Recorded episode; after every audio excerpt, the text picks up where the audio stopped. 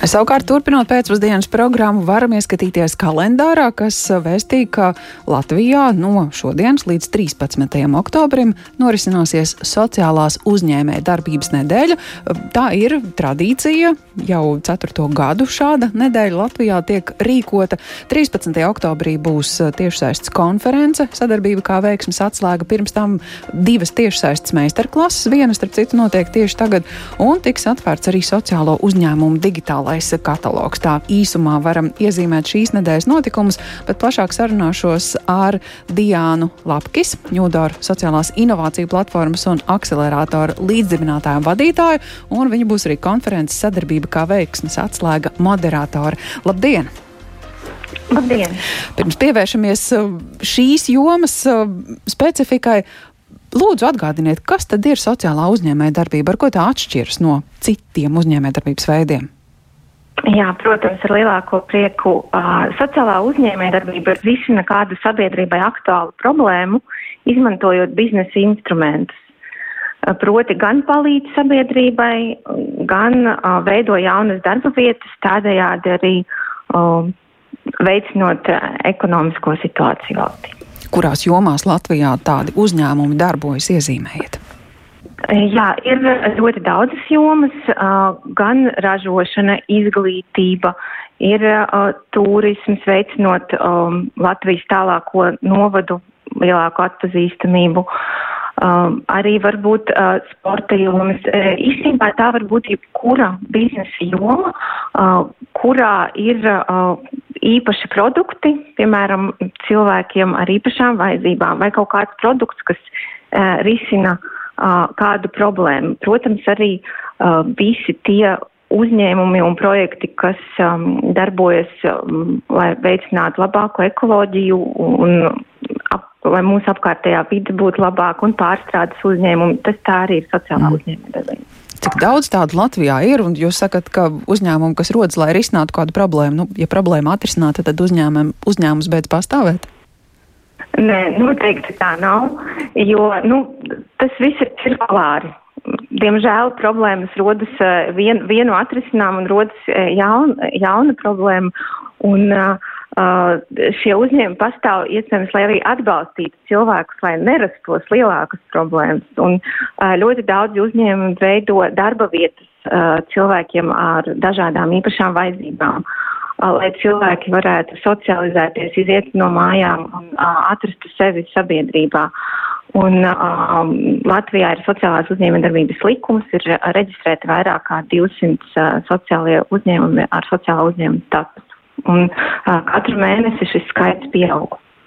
Līdz ar to šī nedēļa, kāds ir tās mērķis, mudināt būt vēl aktīvākiem, veidot vēl vairāk tādu uzņēmumu, vai nu, varbūt tās iespējas ir diezgan ierobežotas, varbūt izsmeltas?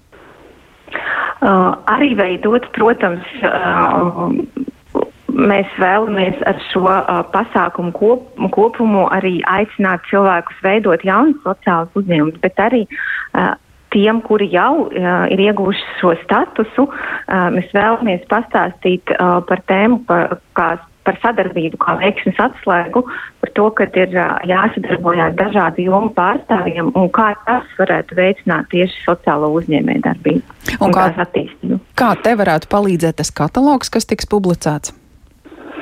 Katalogā būs informācija par dažādiem sociālajiem uzņēmējiem, uzņēmumiem, un tur mēs aicinātu plašu sabiedrību ieskatīties un iespējams, ja viņi izmanto kādu pakalpojumu konkrētā jomā, varbūt apdomāt, pārdomāt un sākt sadarboties arī ar kādu sociālo uzņēmumu. Te tad būtu tā sadarbība kā veiksmes atslēga. Jā, tieši tā. Lielas paldies par šo īso sarunu, saku Diānai Lapkis, Ņūdara sociālās inovāciju platformas un akcelerātoru līdzdibinātāju un vadītāju. Uh, viņu dzirdēsim arī konferencē sadarbība kā veiksmes atslēga, kas uh, šīs nedēļas laikā 13. oktobrī norisināsies tieši saistē. Sarunāšos arī ar Lauru Žukovsku Supi. Labdien! Labdien! Mans peldkostīms uzņēmums, kuru līdzdibinātāji esat arī jūs. Nu, šķiet, ka nosaukums jau pasaka priekšā, bet kā peldkostīms var būt saistīts ar sociālo uzņēmējdarbību? Jā, paldies. Tas ir brīnišķīgs jautājums, jo tas parasti ir pirmais, kas rodas ikvienam uzzinot par mūsu sociālo uzņēmumu.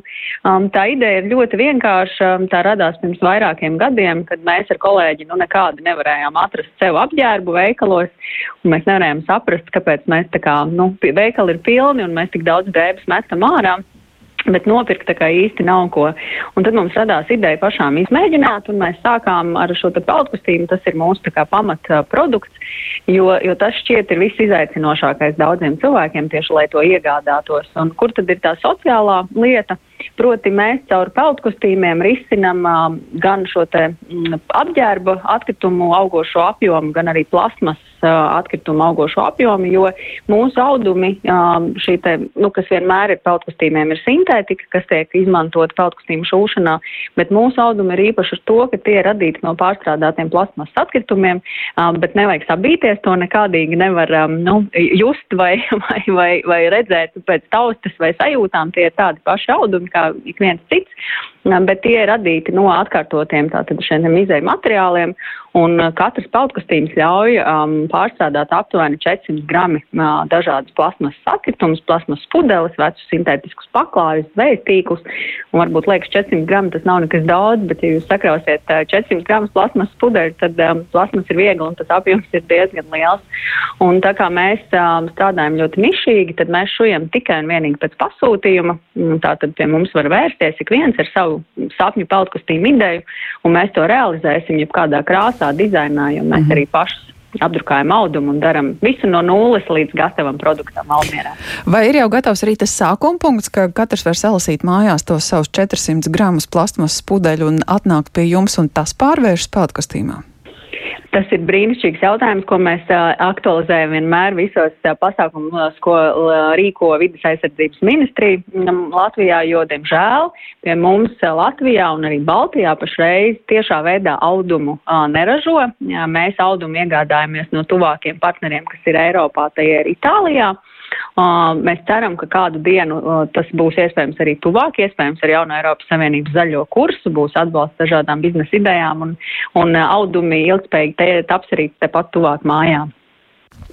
Cik noslogoti jūs esat? Nu, šis izklausās interesants projekts, bet nu, visticamākais tas nav tāds plaša patēriņa Nu, katram mājās ir vismaz viens peldkastīns, es tā domāju, un bieži vien tie pat ir vairāki tieši tāpēc, ka nevar veikalā vienu tādu īsto atrast.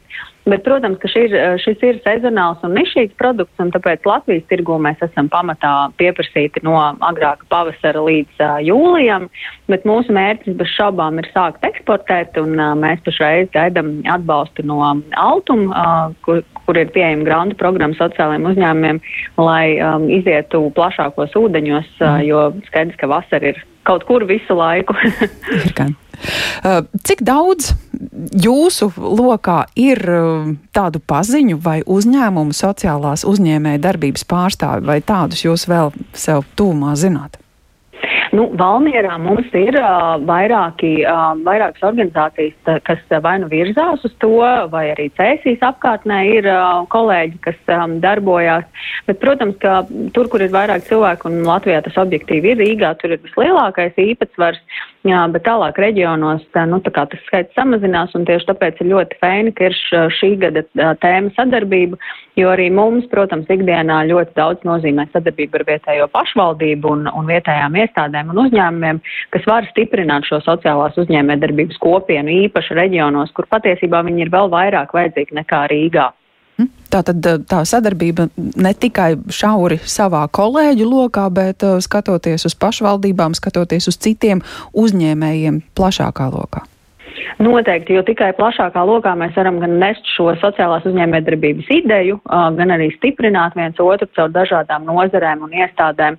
Un tieši tādos izaicinājumu laikos, kā mēs dzīvojam jau vairāk gadu garumā, kas, protams, ir atstājis iespēju gan uz mums, gan uz citiem sociālajiem uzņēmumiem, tieši šī sadarbība ir ļoti svarīga un es pat teiktu izšķiroša, lai spētu, piemēram, tagad pārziemot atkal kārtējo izaicinošo ziemu. Uh, Lielas paldies par šo sarunu pēcpusdienas programmā. To saku Laurai Žukovskai Supē, uzņēmumu mans peldkustības līdzdibinātāju. Lūk, viens no sociālās uzņēmēja darbības uh, veidiem, sociālajai uzņēmēja darbībai Latvijā šonedēļ īpaši pievērsta uzmanību, gan divas meistardarbnīcas, meistarklases, viena no tām notiek šodien, gan arī plašāka iespēja 13. oktobrī piedalīties tiešsaistes konferencē. Arī tiem pēcpusdienas programmas klausītājiem, kas šobrīd raksta, piemēram, Anna, vaicājot, vai kāds sociālais uzņēmums darbojas balvu novadā, gribētu tajā iesaistīties, bet informācijas nav. Sakojam šīs nedēļas iespējām, esot klāt dažādās konferencēs un taujājot.